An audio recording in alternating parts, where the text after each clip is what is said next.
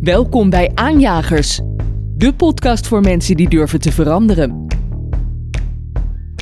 Iedere aflevering heeft Patrick Willer van Salesforce een echte aanjager te gast. Wat drijft hen om te innoveren? Hoe til je jezelf en je organisatie naar een hoger niveau? In deze podcast vertellen we je hoe je aan de slag kunt om een aanjager te worden. Wat continu voor mij een st- struggle is een groot woord, maar ehm, soms heb je ook wel, ehm, of denk je ook wel verstand te hebben van een bepaald onderwerp. En dan heb je je ego, of wat, hoe je het ook wil noemen, komt naar boven en, en wil dan ook vertellen op een of andere manier van, nou daar heb ik ook verstand van. Dan ga je een beetje mingelen. Je moet eigenlijk gewoon meer luisteren eh, en in sync komen, in tune komen met, met die gast en, en daar de cues op geven. Dus ik heb het vak van interviewen nu een beetje aangeproefd. Ik vind het heel erg leuk, maar dat gaat heel erg diep. Dat is echt een heel diep vak. Ik, als ik nu op tv kijk naar mensen die interviewen of andere podcasts eh, eh, luisteren, dan snap ik pas ja, wat, het, wat nodig is om een goed eh, gesprek op gang te brengen.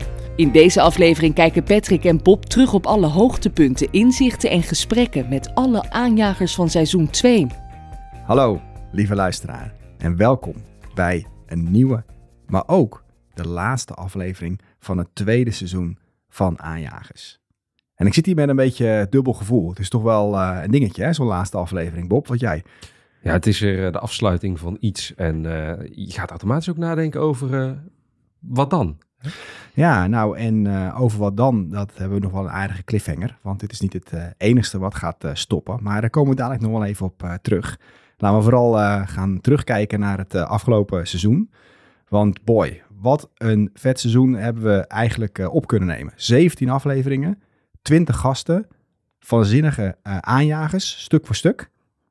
Ja, dat, dat- 100%. En ook een ehm, hele natuurlijke rode draad die uiteindelijk eh, in seizoen 2 is gekomen. Ehm, en dat, dat heeft zich met name gericht op eigenlijk de ontwikkeling van AI. En de, eigenlijk de explosie in de media op het gebied van generative AI. En AI die eigenlijk voor het brede publiek ook bekend werd gemaakt. Ja, dat klopt. Eh, en dat was eigenlijk ja, niet bedoeld van onze kant. Dat bedoel, dat is ook. eh, we hadden nog Renier van Leuk hier natuurlijk in de studio. Dat is de tweede aflevering geweest. Eh waanzinnige aflevering waarin hij eigenlijk stap voor stap ja, teruggaat naar waar komt kunstmatige intelligentie eigenlijk vandaan. En vlak daarna kwam ja, eigenlijk ChatGPT als eerste op de markt en kwam die hele explosie. En eigenlijk hebben alle gasten wel gevraagd wat ze daarna weer precies van vonden.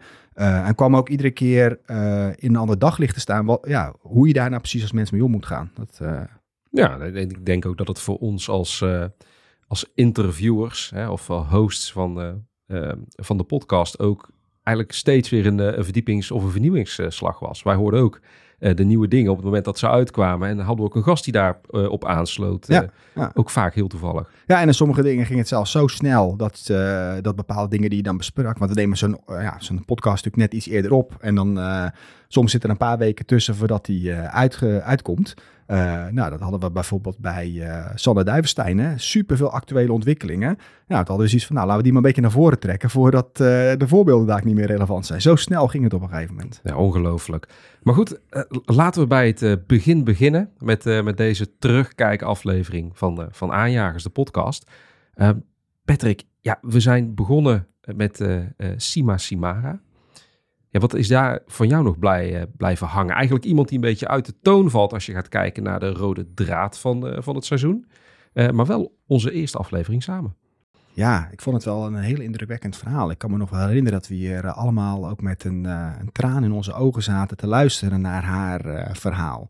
Het was voor haar ook een, een stretch. Ze heeft tot dat moment deed ze haar verhaal vrij kort, vijf minuutjes, tien minuutjes. En hier zat ze toch een heel uur eh, te praten in het Nederlands. Heel erg knap eh, om dan die diepe emoties zo eh, onder woorden te kunnen brengen.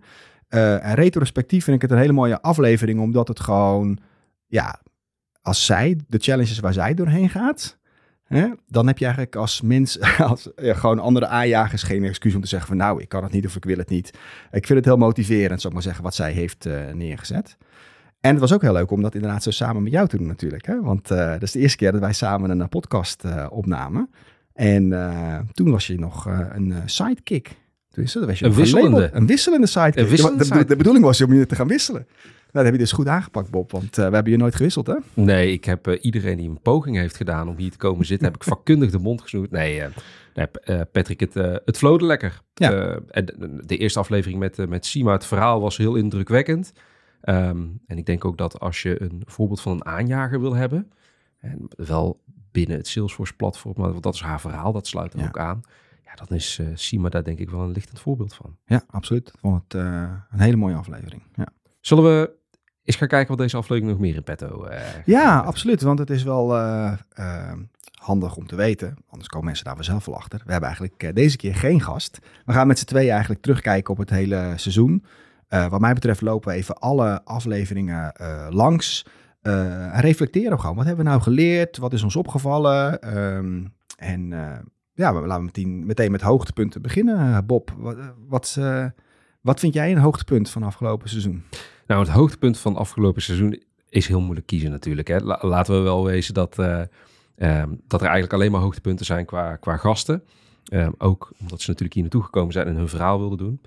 Maar als ik er eentje uit moet pikken, dan is het toch uh, Rani van Leuken omdat die op een hele heldere manier, nog voordat uh, de AI-bom barstte in het medialandschap, uh, een heel heldere manier het begin van AI, de ontwikkeling daarvan, heel helder met tijdslijnen uh, kon uitleggen.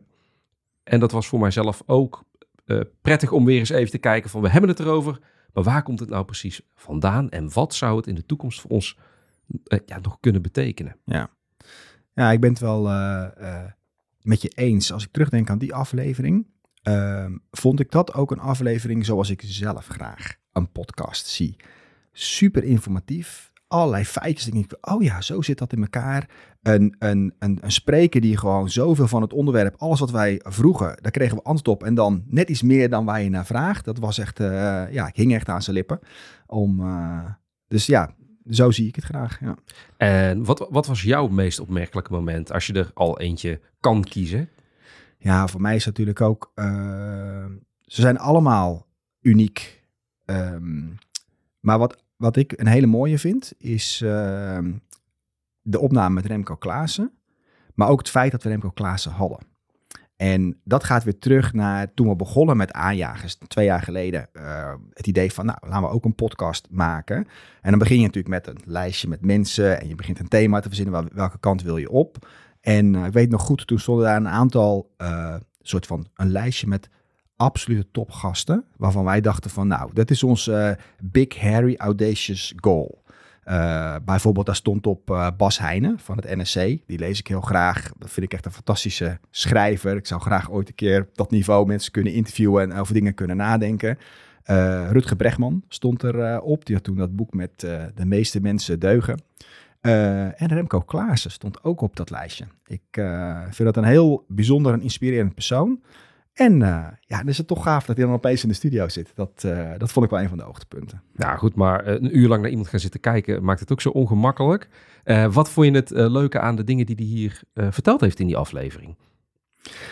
Nou, wat ik, wat ik heel erg leuk vond is... Als ik nou, wat ik van Remco heel bijzonder vind, is dat hij door heel veel dingen vaak op dezelfde manier te doen, een bepaalde show neerzet. En dat heb ik ook, was ook al een beetje de rode draad van al die keynote sprekers die we hier uh, hebben gehad. Die gaan echt de diepte in op hun onderwerp. En die vinden het niet erg om dat honderd keer hetzelfde manier te vertellen. Dat is een skill die ik helemaal niet heb. Ik, heb, ik, ik, ik raak heel snel in de verveling als ik bijvoorbeeld een keynote maak een presentatie. En ik heb hem vier, vijf keer gegeven. Dan is mij de noodzaak om die te veranderen. Voor mijn publiek of voor een klant is, is heel erg hoog. Um, en daarmee blijf je ook wel op een bepaald niveau steken, zou ik maar zeggen, met hoe goed je die materie dan uh, beheerst. Dat vond ik nou zo leuk aan veel van die gasten. En Remco's, die, die, die heeft dat helemaal heel goed onder de knie. Die heeft uh, ook die spontaniteit uh, als mens zijnde gecombineerd met ook het perfectioneren van de onderwerpen waar hij over ja, hij kan het zo goed dat hij daarna ook allemaal grapjes omheen kan maken. En wat ik er dan zo leuk aan die oplevering, hij deed wel, juist hier, wilde hij daar een beetje van afwijken. En dan zie je toch dat je een beetje mis krijgt tussen al zijn standaard grap en zijn standaard dingen. Uh, maar ook andere onderwerpen. Hij ging toen ook helemaal best wel, uh, de, de, de, als ik maar gewoon zeggen, de anti-woke kant op. Uh, hij irriteerde zich op dat punt een tijd daar ook best wel aan. En hij is daar best wel uitgesproken in geweest. Dus ja, als je niet zo woke bent, zou ik die aflevering zeker terugluisteren. Als je wel heel woke bent, is het misschien geen goed idee om die aflevering te luisteren. Ja, we, we gingen het hebben over de verzuiling van Nederland. Hè? Om, om nog even die, een stukje uit die aflevering terug te halen qua onderwerpen. Ja. En nou, dit ging eigenlijk over het meest uh, opmerkelijke moment. Of, uh, maar welke gast heeft jou nu het meest geïnspireerd in, uh, in dit seizoen, Patrick?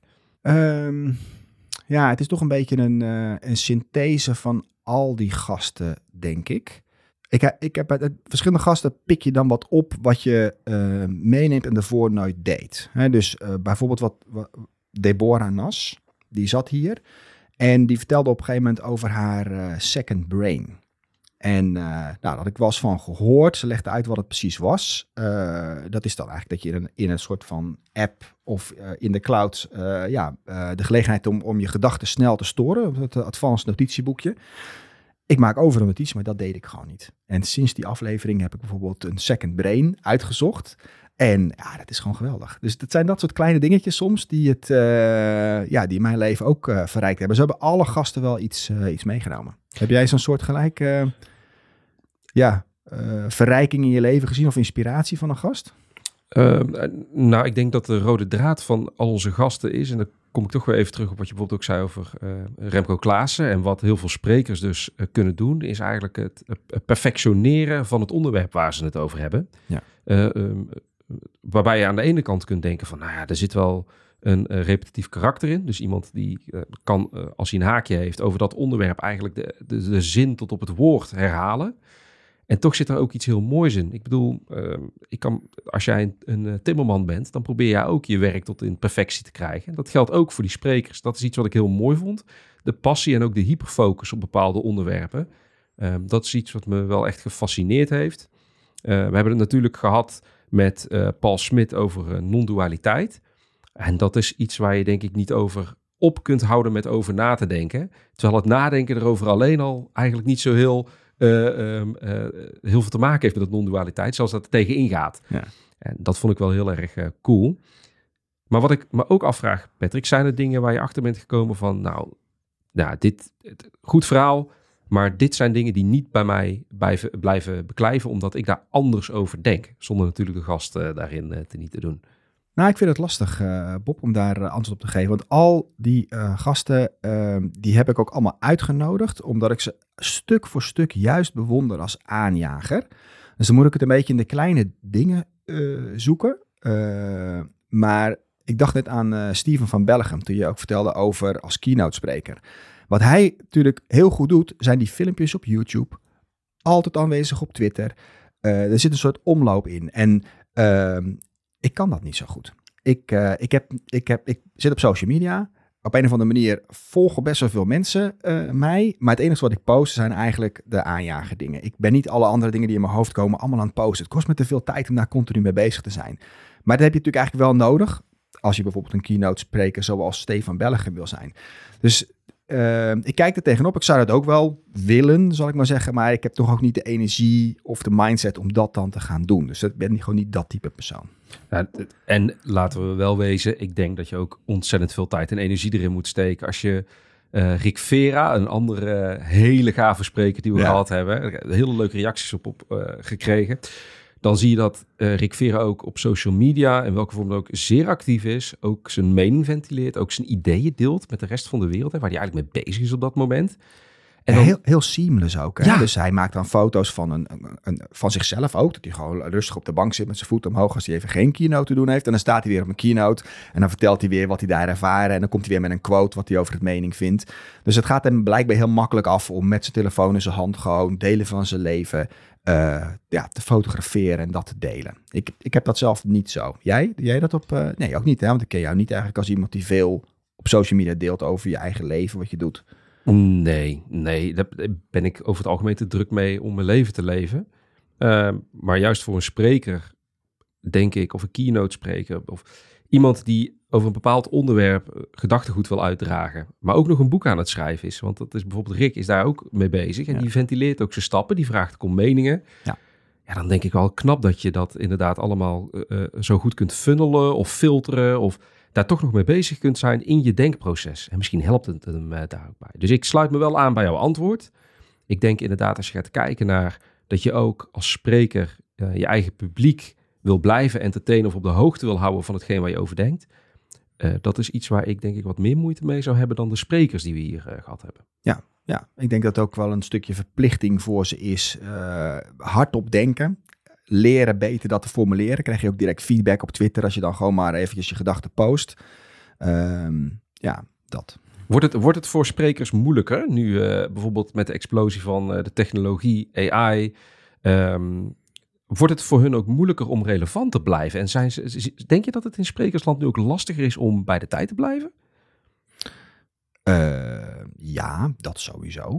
Uh, als, je, als je specifiek ingaat op bij de tijd blijven, wel. Want ik spreek niet zoveel als die mensen, maar ik probeer ook bij de tijd te blijven, bijvoorbeeld op alle ontwikkeling op kunstmatige intelligentie. Maar als je ziet hoe snel dat gaat, Bob. Elke ochtend als je gewoon je Twitter feed aanzet, dan staan daar weer uh, iemand die een post heeft gemaakt met 100 nieuwe AI tools. Dus gewoon een soort waterhoos die op je ge, ge, gericht wordt met informatie. Waar je gewoon enkele procenten van meepikt. Dat is voor geen enkel mens meer uh, te behappen. Um, en ik denk dat het voor elke keynote spreker dan lastig is om daar iets uit te halen. Dat is best een uitdaging. Ik denk dat ze eigenlijk alleen maar meer uh, van dit soort aanjagers, uh, thought leaders uh, gaan krijgen. Die als een soort van menselijk filter op al die content. Dat, is juist ook de kracht. Dan kan je naar, als jij wat wil weten van custom experience. Ja, kan je, als je begint bij Steven van Belgen, dan maak je echt een vliegende start. Van uh, die, dat, die dat dat hele dag aan het lezen is. Als je hem volgt, ja, dan, dan heb je hele waardevolle informatie. Ja, daar sluit ik me nogmaals bij aan, Patrick. En dat is ook het mooie inderdaad van de gasten, dat ze ondanks de rode draad, toch allemaal net een, net een andere invalshoek uh, daarin hadden. Of juist een totaal andere invalshoek. Ja. Um, welke, welke inzichten of lessen heb jij, uh, heb je nog meer opgedaan tijdens het maken van deze podcast, uh, Patrick? En dan mag je ook wat verder kijken dan alleen seizoen 2. Maar als je seizoen 1 en 2 bij elkaar optelt, wat, wat haal je daar dan uit? Um, ja, het eerste wat in me opkomt is het principe van leren luisteren dat is denk ik wel. Uh, wat continu voor mij een struggle is een groot woord, maar um, soms heb je ook wel, uh, of denk je ook wel verstand te hebben van een bepaald onderwerp. En dan heb je je ego, of wat, hoe je het ook wil noemen, komt naar boven en, en wil dan ook vertellen op een of andere manier van, nou daar heb ik ook verstand van. Dan ga je een beetje mingelen. Je moet eigenlijk gewoon meer luisteren uh, en in sync komen, in tune komen met, met die gast en, en daar de cues op te geven. Dus ik heb, eigenlijk is mijn antwoord op je vraag is van, ik heb uh, het, vak van interviewen nu een beetje aangeproefd. Ik vind het heel erg leuk, maar dat gaat heel erg diep. Dat is echt een heel diep vak. Als ik nu op tv kijk naar mensen die interviewen of andere podcasts uh, luisteren, dan snap ik pas ja, wat, het, wat nodig is om een goed uh, gesprek op gang te brengen. En ik heb bijvoorbeeld, als ik dan terugdenk aan Nelly Kroes, dat was wel in seizoen 1. maar toen kwam er echt wel een, een dame binnen, hè, die is bijna minister-president van Nederland geweest. Ik keek daar ook een beetje tegenop. En uh, dus ik liet haar gewoon mijn verhaal doen. Nou is dit niet echt een podcast waarbij we de gas het vuur aan de scheen leggen. Het is meer een podcast waarbij we proberen juist met z'n allen het beste naar voren te halen, zodat we dat kunnen delen. Maar ik had daar wel een beter, uh, beter in kunnen zitten. En luisteren is best lastig. Ik weet niet hoe dat bij jou zit, maar soms uh, als ik dan de aflevering terughoor, om te valideren of die goed is op die, die manier uit mag komen, ehm, dan hoor ik opeens zoveel dingen. Dat ik denk van, oh wacht, ik had hier nog op moeten vragen, daar moeten vragen. En dan, dan realiseer je pas wat je mist soms in een gesprek. En dat mis je dus ook gewoon in normale gesprekken met allerlei mensen. Dat, dat is wel een enorme uh, les. En uh, ben me daar nu veel meer van bewust dan twee jaar geleden. Dat, uh, dat vind ik wel een hele fijne. Ik moet ook nog denken aan uh, Janneke Scholtens. Was een van de gasten die we gehad hebben. Ja, dat is ook een heel erg leuk gesprek. Oh, een leuke power woman. En ze vertelt heel pas, maar ze vertelt. Ze denkt heel snel en ze praat heel snel. Um, en ik had daar specifiek in die aflevering best wel vaak het gevoel, ik wil het hierover, daarover hebben. En dan, ja, dan probeer je, zit je hier en dan probeer je dat, dat gesprek te leiden. Heb ik zoveel cues waar je heen gaat. Luisteren is het, uh, ja, heb ik het meest geleerd. En uh, naast luisteren, uh, ik weet niet of dat de luisteraar het beseft, maar er is daadwerkelijk een script dat we maken voorafgaand uh, aan iedere aflevering. Ja, you bet. Ja, kun je, ja, kun je de luisteraars even meenemen in hoe vaak volg je nou zo'n script? Want je verzint vragen, je wil luisteren, je bent eigenlijk met best veel dingen bezig. Ja. En je hebt het ook allemaal mooi uitgeschreven. Er liggen hier vijf A4'tjes uh, voor mijn neus en ook dus voor jouw neus. Hè. Ja. ja, dat is ook een hele reis geweest hoor. Want uh, aflevering 1 uh, van het eerste seizoen, ja, toen hadden we gewoon een beetje wat algemene vragen. Zo van, uh, wie ben je? En uh, hoe ben je op die positie gekomen? En wat zijn de fouten die je gemaakt hebt en wat heb je van geleerd? Zo zijn we begonnen. Maar als dan de tijd doorgaat, en je, je leert dus, wat ik net vertel, meer over hoe je dat wil aanpakken. En ook de gasten werden leuker en interessanter en hadden een grotere footprint. En voelde ik me ook verplicht om daar steeds meer over te gaan leren. Uh, dus uiteindelijk ben ik gewoon voor al de gasten van dit seizoen, als ze een boek hadden geschreven, heb ik het boek gelezen. Als ze twee boeken hadden geschreven, had ik twee boeken gelezen. Op een gegeven moment zat ik gewoon uh, twee tot drie boeken per week te lezen om gewoon voor te bereiden in die onderwerpen. Uh, Paul Smit had 13 boeken geschreven. Dat, dat ging, gelukkig had hij een paar boekjes met uh, verlichting voor luie mensen. Dus ja, hij, hij noemde het zelf ook een boekje. Dus ja, ja. Ik, schrijf ik schrijf het in één keer op en dan staat het er. Ja, die, heb ik niet alle, die heb ik ook niet alle 13 gelezen. Maar goed, uh, wel zijn laatste boek gelezen om, om me daar dan weer goed op voor te bereiden. en dan, dan lees ik dat allemaal en dan maak ik daar dan een script van in de zin van... dit vind ik interessante vragen om te stellen. Maar het ligt er een beetje als een backup. Je, eigenlijk volgen we het gesprek. En uh, soms valt er gewoon natuurlijk stilte. Dan heb ik altijd een vraag om op terug te vallen. Maar omdat je dan ook een beetje een, een, een flow hebt waar je heen wil met een gast. Uh, ja, komt dat dan toch ook wel een beetje volgens dat script eruit. Ja, en ik denk ook inderdaad, als je aan het luisteren bent en je zit in een gesprek en er is in één keer een onderwerp wat op dat moment speelt, een relevant onderwerp. Ja, dan uh, waarom zou je het daar niet over gaan hebben? Dan is het script uh, loslaten af en toe Ja, ook wel eens ja, een, uh, ja. een goeie. Weet je wat ik ook heb? En dat wil ik ook wel aan jou vragen, hoe jij erin zit, eh, Bob. Wat ik eh, ook geleerd heb, en ik heb het altijd moeilijk gevonden, vind het nog steeds moeilijk. Ehm, je, is heel publiek, hè? Dus je geeft ook best wel veel van jezelf bloot. Je hebt soms wel eens, wil, je- durf je een vraag wel of niet te stellen? Jij bent hier zo ingerold. Hoe, eh, hoe heb jij dat ervaren? Eh, heb jij je eh, volledig vrij gevoeld om te kunnen zeggen wat je wilde zeggen? Ik denk over het algemeen wel. Je denkt wel twee keer na over de dingen die je zegt. En eh, over woorden die je al dan niet in de juiste context gebruikt. Maar daarna laat je het ook weer snel los. Want anders krijg je geen normaal gesprek.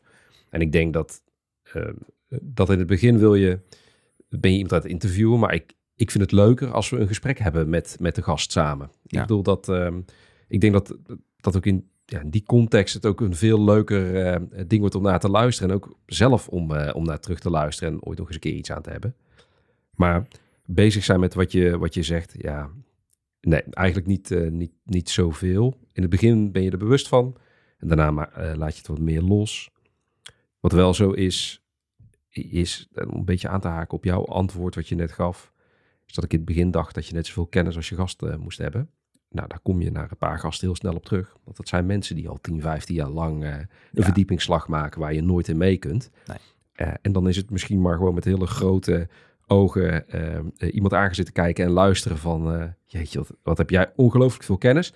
En ben ik blij dat jij het voor mij nu, voor mij nu een samenvatting hiervan kunt Ja. geven. Ja, En ik denk ook dat dat het mooie daarvan is. Thuiskomen na een opname en denken, oh, dit, hier, hier neem ik weer een stukje van mee. Hier ben ik toch weer een stukje wijzer van geworden. Ehm, en dat bepaalt dan weer een, een richting waar je, ja, die je weer kunt gaan ontdekken. ja. ja wel, want wij varen er wel bij. Hè? Dus het is een podcast eigenlijk om eh, specifiek bedoeld voor aanjagers. Hè? Oké, dat mogen duidelijk zijn. Maar als ik kijk naar mensen die ik een beetje op een spectrum zet. Aan de ene kant heb je bijvoorbeeld de gasten die hier zitten. Dat zijn super ondernemende mensen die eh, van alles ontplooien, super creatief zijn, altijd met nieuwe dingen bezig. En als je die op een spectrum zet, aan de andere kant heb je mensen die gewoon ja, een beetje in ed zijn of ja, dat juist niet doen. Daartussen heb je een groot grijs gebied en daar zit, daarbinnen zitten de aanjagers. Daar doen we het voor om die kennis te delen. Maar in de slipstream daarvan hebben wij het privilege om ja, die boeken te mogen lezen, eh, dieper na te denken en ook die feedback, zoals precies wat jij zegt, van zo'n expert. Zo'n gesprek om dat anderhalf uur te mogen hebben met iemand, dat is, eh, dat is heel erg waardevol. Dus daar leren wij natuurlijk ook onwijs veel van. Ja, en ik denk ook dat een, eh, wat is een aanjager? Daar ben ik in het begin heel, heel veel over bezig geweest. Hè, toen we seizoen 2 begonnen van, ja, wat betekent een aanjager nou precies? Is dat iemand die altijd op de frontlinie staat? Maar ik denk juist de aanjager ook iemand is die één klein dingetje in zijn dagdagelijkse gang van zaken aanpast. En dat dat uiteindelijk dan weer tot gevolg heeft dat er toch een verandering plaatsvindt. En ik denk dat dat ook aanjagen is. Het is geen uh, steekvlam die, uh, uh, die vol op je gericht staat. Nee, het, het, kan ook een heel klein waakvlammetje zijn. Ja. net een iets andere gedachtegoed, net een iets andere aanpak. En als je gaat kijken naar een gast zoals Ruben Nieuwenhuis die we hier hebben gehad, die ja, met twintig dingen tegelijkertijd bezig is, dat ik denk, oh man, hoe kun jij dit in zo'n korte tijd uh, gedaan krijgen? Ja. ja. dat is bijna beangstigend als je daarnaar luistert. Maar dat, hij is een aanjager. Maar ik geloof ook echt in mensen die ja, in de details zitten, kleine dingetjes aanpassen, ook een hele goede aanjager kunnen zijn. Ja, ja dat, dat noem je een hele mooie. Dat was trouwens een hele gave aflevering Oh. ook, hè, met, eh, met Ruben om, eh, om te doen. Ehm, voor degenen die die nog niet geluisterd hebben, dat is wel een tip om die terug te luisteren. Die begon echt... Wat we Oh, over- Patrick, daar ga ik trouwens over iedere aflevering zetten. Ja. Oké, Het is wel de moeite om Dus terug te zo, iedereen moet allemaal Ja, even ja. terugluisteren als je er eentje mist. Maar die van Ruben, wat ik daar zo mooi in vond, nog even terugkomen op die interviewtechnieken die we net hadden. Ehm, daar lukte het heel goed om hem eh, in zijn kracht te laten komen, vond ik persoonlijk. Eh, Elk antwoord wat hij gaf, kwam hij steeds meer bij zijn hardop nadenken. Hij formuleerde het op steeds mooiere manieren. En tegen het einde was hij gewoon echt on een roll. Wat hij allemaal aan het vertellen was over hoe zijn brein werkt. Ehm, en dan wil je eigenlijk nog langer doorgaan. Maar ja, we moeten op een gegeven moment ook een keertje een soort van cap hebben. Dat die afleveringen een beetje rond een uur blijven. Ehm, maar ik ben heel benieuwd waar we zouden landen met hem als dat nog langer door zou gaan. Ja, nou, het is gewoon heel handig als jij een Rolodex van eh 90 plus businessmodellen in je hoofd hebt die je gewoon kunt afgaan als iemand eh, iets aan jou aan het pitchen Ja, is. ja. Nou, dat is een kwaliteit en eh, ook iets wat hij eh, heel hard getraind heeft.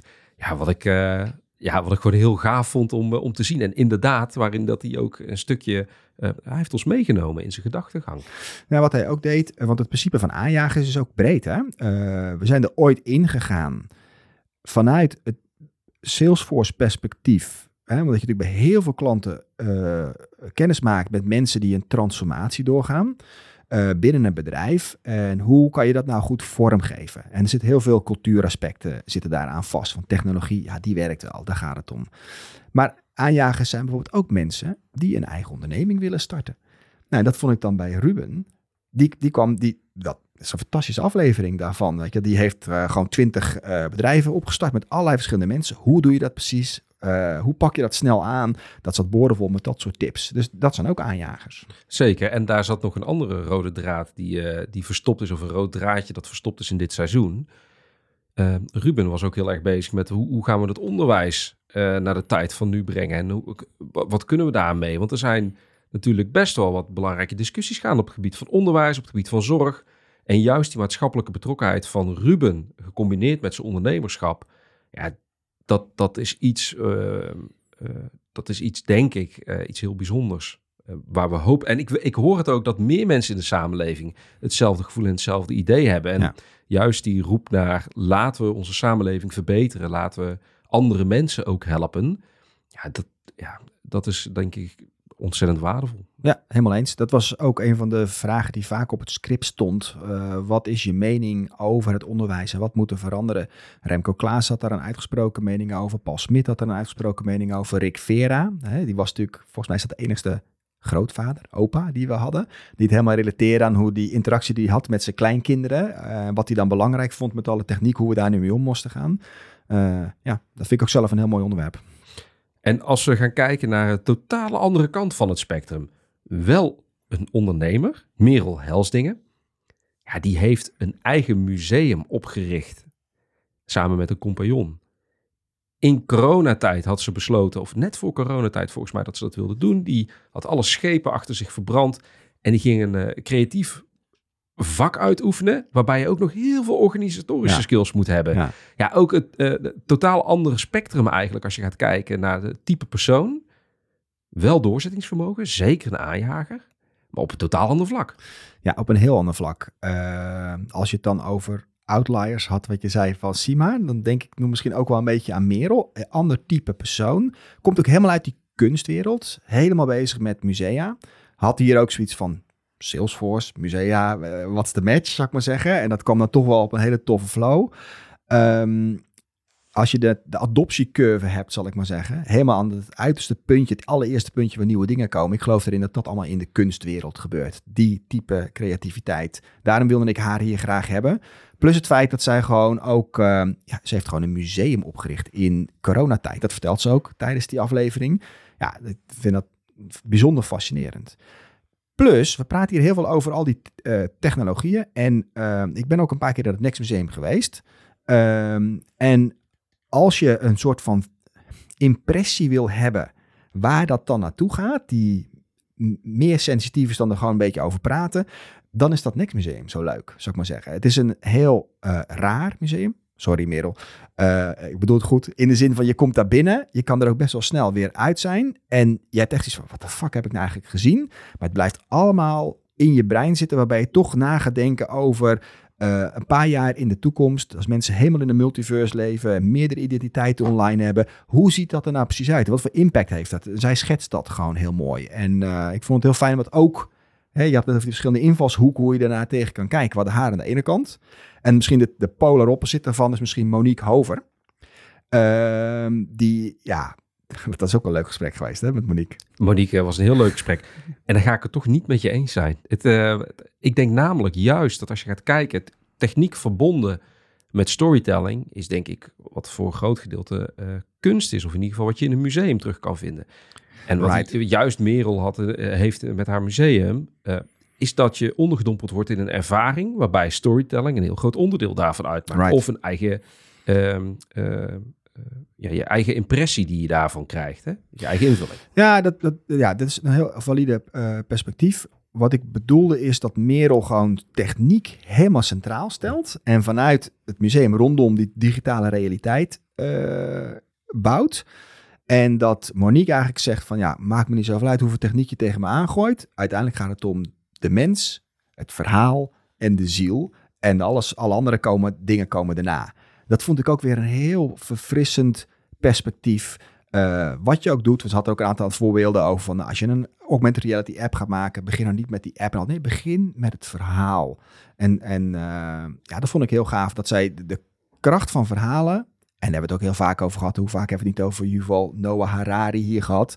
Maar zij heeft dat nog meer kracht bijgezet. Met name ook om die dat, de sprookjes.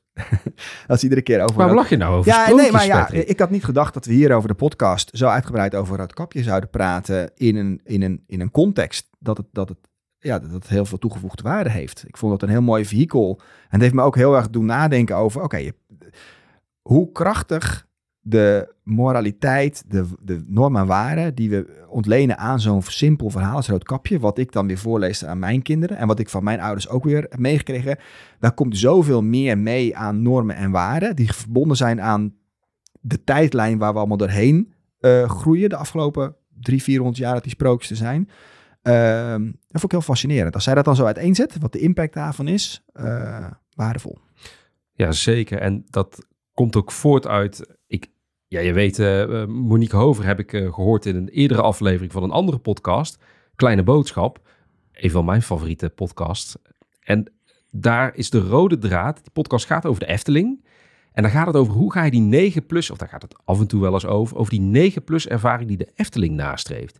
En daar is storytelling het belangrijkste onderdeel van. Ja. En ik kan me bij sommige bedrijven, ondernemingen of, of mensen die, uh, uh, die zeg maar zichzelf willen verkopen of iets willen verkopen, dat die niet beginnen bij het begin. Vertel een goed verhaal. Ja. Uh, en streef dat ook na. Dan komt die onderdompeling uh, ook veel beter naar voren toe.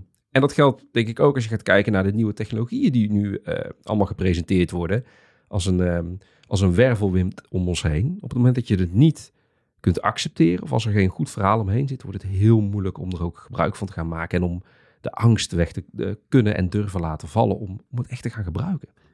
Je vertelde net van uh, de Efteling podcast. Uh, een van jouw favoriete podcasts. Kleine boodschap, hè? Kleine boodschap. Wat heb je nog meer aan uh, favoriete podcast of wat je geïnspireerd hebt sinds je nu zelf ook achter de microfoon zit? Oh Patrick, dat, dat is eigenlijk niet zo heel veel veranderd. Ik, ik luister heel graag naar podcasts die iets hebben met verhalen. En dat kan in de breedste zin van het woord. Dus dat kunnen verhalen zijn. Het kunnen een soort documentaires zijn in podcastvorm waar ik heel graag naar luister. Geen, uh, geen crime podcasts, maar Uh, misschien podcasts die bijvoorbeeld uh, gaan over, over een bepaald bekend persoon. of podcasts die ik graag luister, zijn podcasts die echt over verhalen gaan. Waarin bijvoorbeeld luisteraars een verhaal kunnen, ehm, kunnen insturen en dat wordt dan vervolgens behandeld. En ook heel veel comedy podcasts luister ik, Engelstalig.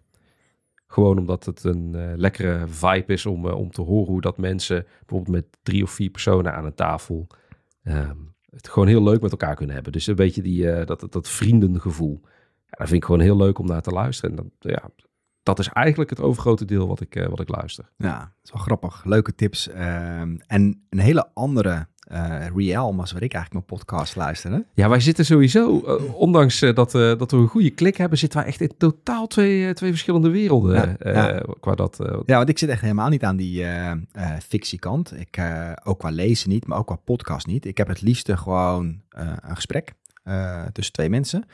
Filosofie podcast vind ik heel erg leuk. Dus bijvoorbeeld uh, Philosophize This, daar luister ik alle episodes van, ook meerdere keren.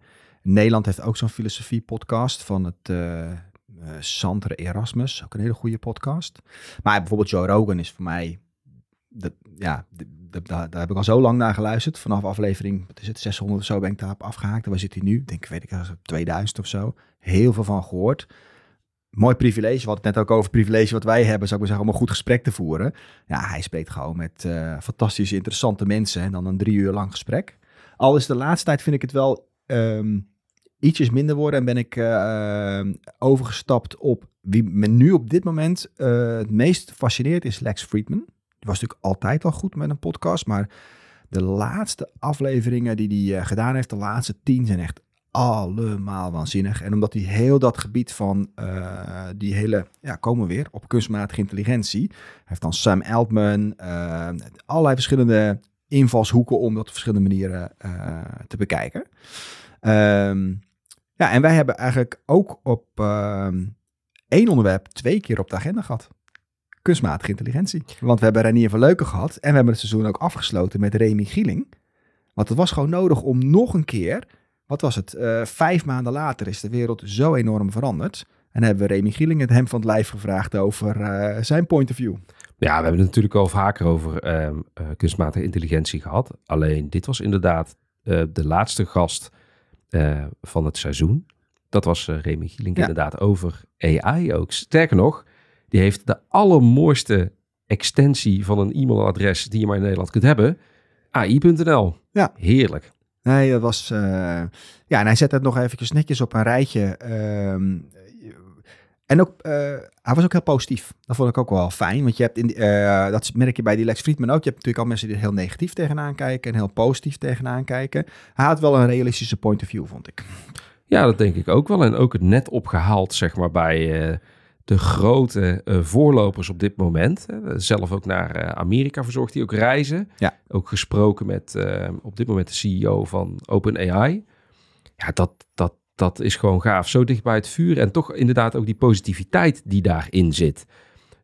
Je verdwaalt al heel snel in negativiteit als je kijkt naar alle moderne uh, tools die we op dit moment tot onze beschikking hebben. Want ook TikTok is voorbij gekomen natuurlijk gedurende het seizoen. We hebben het gehad over het doemdenken als je gaat kijken naar wat kunstmatige intelligentie allemaal zou kunnen betekenen. Of juist als bedreiging zou kunnen zijn voor ons.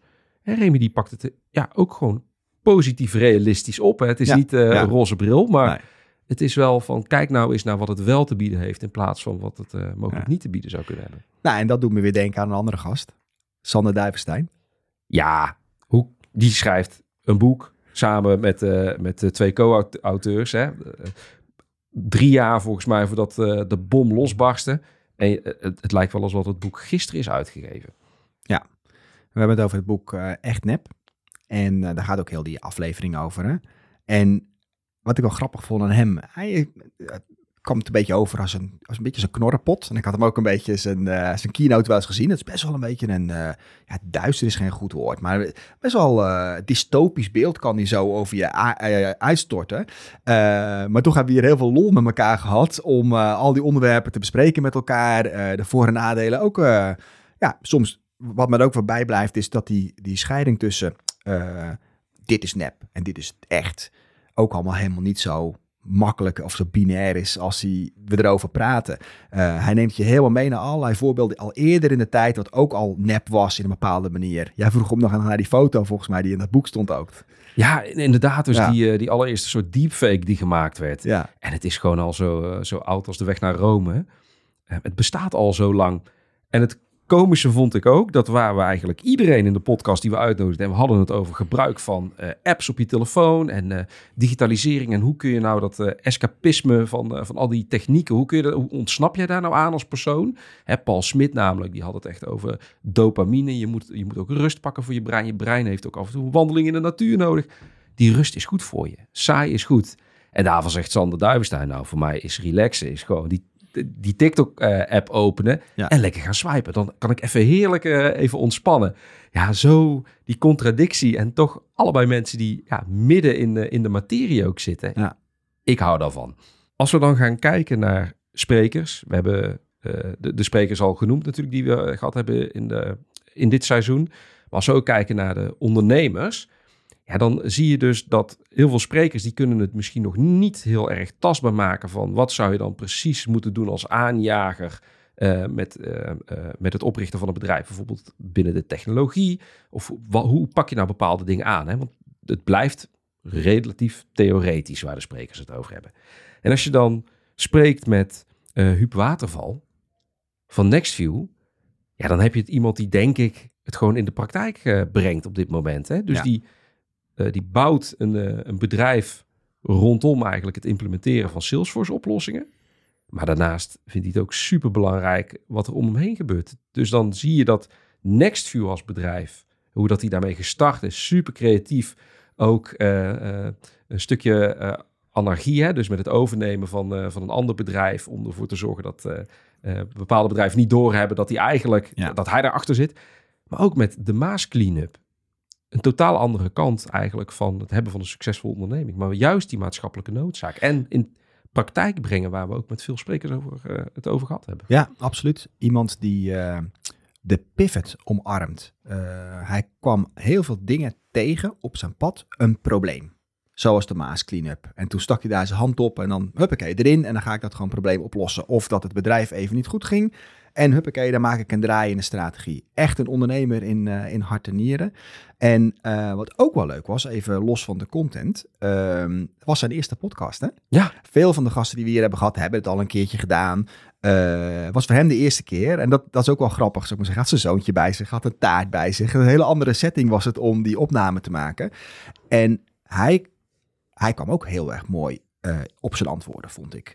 Hij, hij bouwde het langzaam op en hij, hij kwam helemaal... Hij ging steeds rechterop zitten en hij kwam met steeds mooiere antwoorden. En ik heb van hem gehoord dat hij ook heel veel leuke feedback heeft gehad op die, uh, op die podcast. Ja, heel tof. En ook eentje die uh, me echt is bijgebleven in de zin van wat doorzettingsvermogen, maar ook continu jezelf blijven uh, verrijken qua kennis en openstaan voor feedback en veranderingen. Ook zoals hij vertelde over um, de opleidingen die hij nog steeds volgt. En dat hij daar ook voor zichzelf ook een plan voor heeft gemaakt. Eén keer in de vijf jaar, als ik me niet vergis. Ja. Eén keer in de zoveel tijd wil ik mezelf blijven vernieuwen. Wil ik mezelf blijven veranderen. Ja, en daar gewoon echt een, uh, een mission statement voor maken. Of een, uh, ja, to-do-lijst van zo wil ik het aanpakken. Hij gaat ook iedere keer naar een... Uh, dat vond ik ook wel mooi. Hij ging iedere keer een studie doen. Hij had hij een onderwerp, Ja. studie doen. En dan ga ik daar de komende vijf jaar mee aan de slag. Dat deed Ruben trouwens ook. Dat de andere ondernemer erin, zou ik maar zeggen. Die ging nog, die vertelde over uh, dat hij een onderwerp pakt, klassieke muziek. En dan ging hij gewoon naar de centrum en dan kocht hij een set van cd's. En dan ging hij dat helemaal bestuderen wat het was. En dat deed hij later deed hij met NFT's en dat deed hij met AI's. En dat vind ik wel eens een mooi voorbeeld hoe mensen dat dan in de praktijk doen. Ja, en als, je het nou, als we het nou toch gaan hebben over ondernemers. Ik kan me een, um, een soort vissenkom herinneren. Waarin dat wij acht uur lang hebben gezeten met z'n tweeën, Patrick. En waarin dat we ook heel veel ondernemers hebben mogen zien, maar ook een aantal hebben mogen spreken uh, die bij ons in dat hok kwamen zitten. Ja, je hebt het natuurlijk over uh, een experiment. We hebben ook veel geëxperimenteerd tijdens uh, de opnames van aanjagers. Iedere keer met net iets andere formaten, met, ook met de promotie, met andere dingen. En een van de dingen waar je nu op doelt is een live opname maken tijdens de Commerce Days. Ja, en het was heel lang zo van, ja, gaat dat dan vliegen? Uh, we moesten een aantal mensen lang interviewen en dan hou je maar een klein stukje uh, over uh, qua, qua content. Want we hebben dan interviews gedaan met bijvoorbeeld Roeland Prins van Adyen, met Jan Baan, Ineke Keers van de Rabobank. en dan praat je toch wel wat langer en dan pak je het, het, het belangrijkste stuk eruit om een mooie aflevering te maken. Um, dat was heel erg leuk om te doen. Hè? Toen, ik voelde me een beetje een soort van sportverslaggever. Omdat we inderdaad in zo'n vissenkom, waar het steenkoud was trouwens. Was echt koud. En heel erg rumoerig. ja. ja, maar dat was eh, inderdaad een beetje het razende reportergevoel. We zaten wel op een vaste plek. Uh, mensen moesten ook echt uh, de trap omhoog naar ons, uh, naar ons toe komen om het gesprek te voeren. En Jan Baan, CEO van, van Omode, die we daar ook hebben gesproken als eerste. Dat zul je misschien niet terug horen in de, in de aflevering uh, zelf, omdat we daar uh, een bepaalde uh, volgorde hebben aangehouden. Alleen als je dan ziet hoe een jong persoon die toch aan het roer staat van een, van een grote Nederlandse onderneming, hoe dat die dingen aanpakt en hoe dat die eigenlijk vanuit een traditioneel oogpunt ook een bepaalde, ehm, ja, een bepaalde ommekeer wil gaan laten plaatsvinden binnen Omoda, vond ik heel interessant om te horen. En aan de, aan de andere kant, als je het gaat kijken naar grote internationale bedrijven, vond ik het heel leuk om met Nicole Lesterhuis te spreken over de terugkeer van Esprit. Ja, dat vond ik ook een uh, heel bijzonder gesprek. Ik kan me nog zo goed herinneren dat zij een presentatie moest doen. En door die ja, soort daghost werd aangekondigd een beetje zo van, uh, nou, deze kansloze missie om, uh, om Esprit weer op de kaart te zetten. Uh, ook nog, wie kent het merk Esprit nog? Vraag aan de, dus weet je wel, en wie ziet het nog in het, in het winkelcentrum? Ja, helemaal geen fijne aankondiging, maar zij sloeg zich daar heel erg goed doorheen. En ze maakte een goede presentatie. Ze had ook een heel goed verhaal over hoe ze dat wilde aanpakken. Leuke vrouw. Ja, was, was heel cool. En ook als we toch even kijken naar de andere gasten die we hebben gehad, als Roland Prins. Adjen, eigenlijk een onderneming waarvan je, ja, ze hebben geen winkel, je loopt er niet zomaar binnen, je hebt er misschien ook geen uh, brandinggevoel bij. En toch als je met Roeland spreekt, zit er zoveel meer achter, uh, achter die onderneming, achter het woord Agen. Iemand die de groei van een, van een start-up naar echt een enterprise, een wereldwijde enterprise meegemaakt heeft bij, bij Agen. En toch nog met ja, ook best wel wat uh, uh, emotie kan praten over, het, over, over de mens die daar werkt en, en, en over zijn collega's en over de cultuur. Dat was voor mij wel het meest verrassende eigenlijk uh, van dat gesprek. Ja, dat vond ik ook een heel fijn gesprek. 19 jaar zit hij al, hè? sinds het begin van het bedrijf daarbij. En super down to earth. Ja, en, en, en, en ook jezelf dus opnieuw blijven uitvinden. Want hoor jij na 19 jaar nog wel uh, bij een bepaalde organisatie, voel jij je nog verbonden? Ja, en ik denk dat dat Roland Pris daar, uh, daar toch wel een voorbeeld van is. Ja. Dus die is ook mee vooral ja. wat meegegroeid, hè? Hey, maar het was geen ma makkelijke opname daar door allerlei uh, ja, technische dingen. Ik weet nog wel dat we daar moesten afsluiten. En toen gingen ze op een gegeven moment met allemaal stoelen slepen. Toen gingen ze de zaal in orde maken. Uh, ik continu piepende, piepende geluiden moesten weer opnieuw. Ja, dan geef je antwoord nog een keer. Maar um, heb jij nog obstakels gezien überhaupt uh, met het opnemen van wat we doen? Nou ja, we hebben het, uh, we hebben het net al een stukje gehad over hoe promoot je jezelf en hoe promoot je in dit geval de, de podcast. Uh, ik denk dat dat iets is waar we allebei uh, inderdaad wat minder feeling mee hebben of wat lastiger vinden. Ik denk dat dat voor mij wel een obstakel was. zoals ik. Ja, het, ook wel... het is moeilijk, hè? Ja, Want het ja, is een. Ja. Dit, dit, het is sowieso. Er zijn heel veel podcasts, zou ik maar zeggen. Dus het is ook gewoon een gevecht voor de aandacht. Uh, en, en, en hoe kom je nou gewoon precies op het, uh, op het netvlies bij mensen? Het netvlies is dan niet nodig, want het is een audiopodcast, maar op uh, je trommelvlies dan? Hoe kom je op het trommelvlies bij mensen? Zoals mijn eigen vriendin, die wil graag luisteren, maar heeft er ook niet altijd tijd voor om dan uh, net de laatste aflevering te luisteren. Nou ja, ik heb van heel veel vrienden afscheid genomen die... die niet luisteren. Ja, nou ja, dat gebeurt dan, Patrick. Ja, zo, zo, ben je, zo ben je dus ook geen luisteraars. Nee, nee, nee, nee. nee, nee. Nou, en uh, er komt veel bij kijken, hè? Want Salesforce heeft natuurlijk ook een marketingafdeling, die werkt er ook hard aan mee. En één persoon in bijzonder is Kenan. Kenan? Ja, Kenan. dat was natuurlijk een, een intern die we een tijdje hebben gehad. Maar, en dan zie je gewoon hoe krachtig het is. Want dat is ook een aanjager. Die had meteen het concept door. Die kwam meteen met allerlei leuke ideeën. Want de leuke promotie die we nu op video doen, is bijvoorbeeld een van zijn ideeën. Ja, of de foto's met de trailblazers. Uh, hij kwam met allemaal leuke nieuwe suggesties. En uh, ja, dat was ook super waardevol. Nou, Kenan uh, als stagiair bij Salesforce is denk ik het, het voorbeeld wat je zegt van de aanjager. Ja, de luisteraar eh, kent hem niet, maar toch ook weer wel omdat hij de podcast mede mogelijk heeft gemaakt, met name seizoen 2. Uh, Kenan, uh, zijn stage is afgelopen bij Salesforce, dus hij heeft tot ongeveer halverwege het seizoen meegedaan. Maar Kenan is nou typisch zo'n aanjager waarvan je bijna kunt, bijna kunt uitschrijven dat als deze podcast over tien jaar nog bestaat, dat Kenan zeker een keer te gast is geweest omdat hij iets, iets gaafs heeft ontwikkeld of dat hij een super vette onderneming Zou heeft. me niks verbazen, inderdaad. Ja.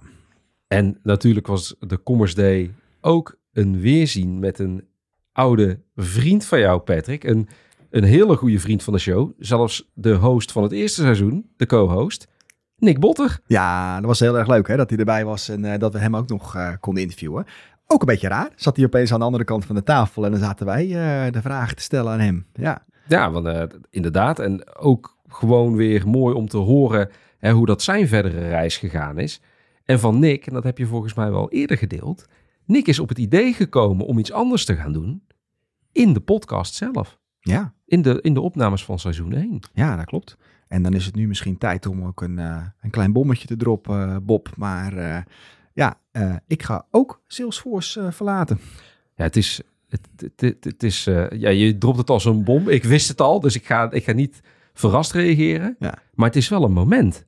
Ja, dat klopt. Ja, dus dat is dan toch eh, een beetje een situatie eh, waarin eh, seizoen 1 ja, gaat Nick weg en komt het eigenlijk op mijn schouders te liggen. Seizoen 2 ga ik weg. Ja, dus de vraag is, wat gaan we doen met seizoen 3, eh, Bob? Ja, ik denk dat we de podcast maar afhakers gaan noemen, Patrick. nee, alle gekheid op een stokje. Er zit natuurlijk er zit wat meer achter. Ehm, het is niet per definitie een, de, de vloek van de show. Nee. Ehm, maar ik denk wel dat je bent de grondlegger van, eh, van aanjagers. Je eh, steekt er heel veel tijd in. En heel veel moeite steek je erin. Je, je vechten, je hebt ook echt gevochten om deze podcast mogelijk te maken. En eh, ja, dan weten we nu dus dat je de podcast ook eh, gaat, gaat loslaten. En Ja. ook Salesforce gaat loslaten. Ja, ik, eh, en dat doe ik natuurlijk, eh, daarom zei ik in het begin van de, van de aflevering, dat ik hier een beetje met een dubbel gevoel zit. Dit is niet alleen de laatste, waarschijnlijk de laatste aanjagerspodcast, maar het is ook nog eens vandaag mijn laatste dag bij Salesforce. Ja, daar heb ik wel een beetje een dubbel gevoel over. Ja. Al met al eh, zit ik hier met best een goed eh, gevoel. Ehm, de meeste mensen weten natuurlijk dat Salesforce de afgelopen maanden door een eh, reorganisatie is geweest, wereldwijd. Moest daar een aantal percentage mensen uit. En dat gaat dan in Nederland. Ja, aan de ene kant heb je een, een, een reorganisatie, waar je op basis van rollen gaat aangeven wie er moet verdwijnen. En heb je natuurlijk ook nog via het kartongerecht afspiegelingsregelingen. En in die twee is mijn naam daaruit gerold. En eh, ben ik vanaf vandaag eh, vrij. Een vrij man. Een vrij man. Ehm, en ja, als grondlegger van de podcast, zoals ik net al zei, aanjagers. Ga je aanjagen? Ik denk dat ik niet echt anders kan. Dus, en ook niet iets anders zou moeten willen. Daar zou ik ongelukkig van, eh, van worden. Ehm, deze laatste, ik heb zes jaar, net iets meer dan zes jaar bij Salesforce eh, gedaan. De laatste drieënhalf jaar daarvan het innovatienetwerk eh, eigenlijk mogen leiden. Eh, veel verschillende projecten gedaan waarvan de podcast er eentje is. Met name bedoeld om al die kennis die ons team allemaal tegenkomt met mensen eh, te delen. Ehm, en daarmee ontdekt hoe onwijs gaaf ik dat gewoon vind om te doen. Zelf in een onderwerp duiken, dat leren eh, en dat weer delen met andere mensen. Eh, dat is eigenlijk gewoon op dit moment mijn leven om draait. En in welke hoedanigheid, ik heb nog geen enkel idee. Want het, hoewel het niet helemaal als een verrassing kwam, heb ik toch ook niet echt moeite gedaan om alvast verder te kijken. Ik heb gewoon met alle liefde in datgene wat ik aan het doen was blijven stoppen. Tot op het moment dat ik door had gekregen dat ik wat anders mag gaan zoeken. En dat ga ik dan nu ook heel rustig op mijn gemakje doen. En dat laatste zeg je, maar ik ken jou een beetje. Iets rustig op je gemakje doen, dat zit er eh, voor jou qua karakter niet in. Denk ik. Ik bedoel, ik wil, niet, eh, ik wil het niet te veel voor je invullen. Maar net zoals met de ontwikkeling van AI, als we daarover een jaar op terugkijken, zeggen we, goh, dat wisten we weinig een jaar geleden. Ehm, ben ik ook heel benieuwd hoe dat eh, Patrick Willer over een jaar eh, erbij zit. Ja, dat klopt wel wat je zegt. Ik, ik denk dat ik even bezig baasje blijf als altijd. alleen mijn aandacht verschuift. Uh, ik merk dat nu al, uh, want ik weet een paar weken dat dit speelt. Um, en normaal gesproken, maar, 80% van mijn brein is de hele dag bezig met Salesforce en klanten en innovatie en, en in een bepaalde stream.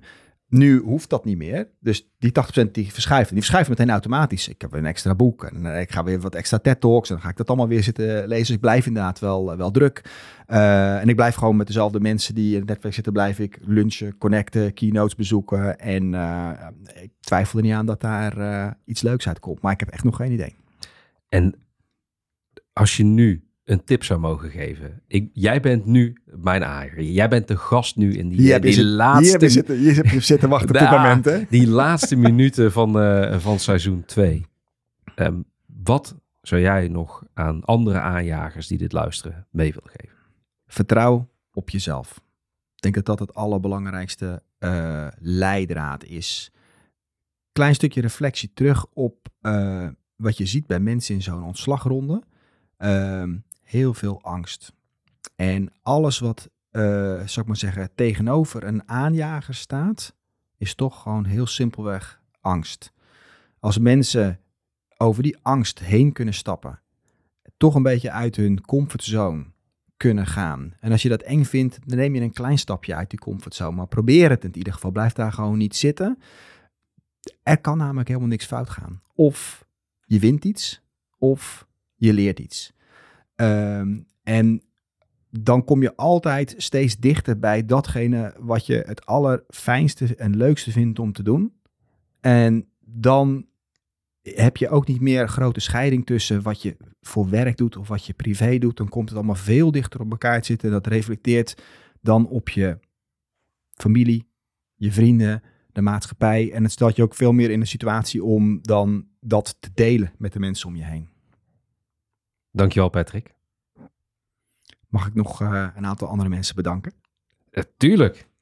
Ik uh, denk dat ik wil beginnen met het bedanken van Salesforce. Hè? Want we eindigen nu een beetje op het feit dat ik ga vertrekken. Maar zes jaar lang heb ik hier met heel, heel, heel erg veel plezier gewerkt. Elke dag eigenlijk gewoon alleen maar plezier gehad en leuke projecten mogen, mogen draaien. En veel dingen kunnen delen met mensen. Um, ik wil ook het hele team wat uh, aanjagers mogelijk heeft gemaakt uh, bedanken. Dat is natuurlijk het uh, marketingteam. Dat zijn Dennis, Sharon. We hebben een Sharon en een Sharon. Kenan, Merit, Nout. Die hebben allemaal op de achtergrond geholpen met de artwork en de social media.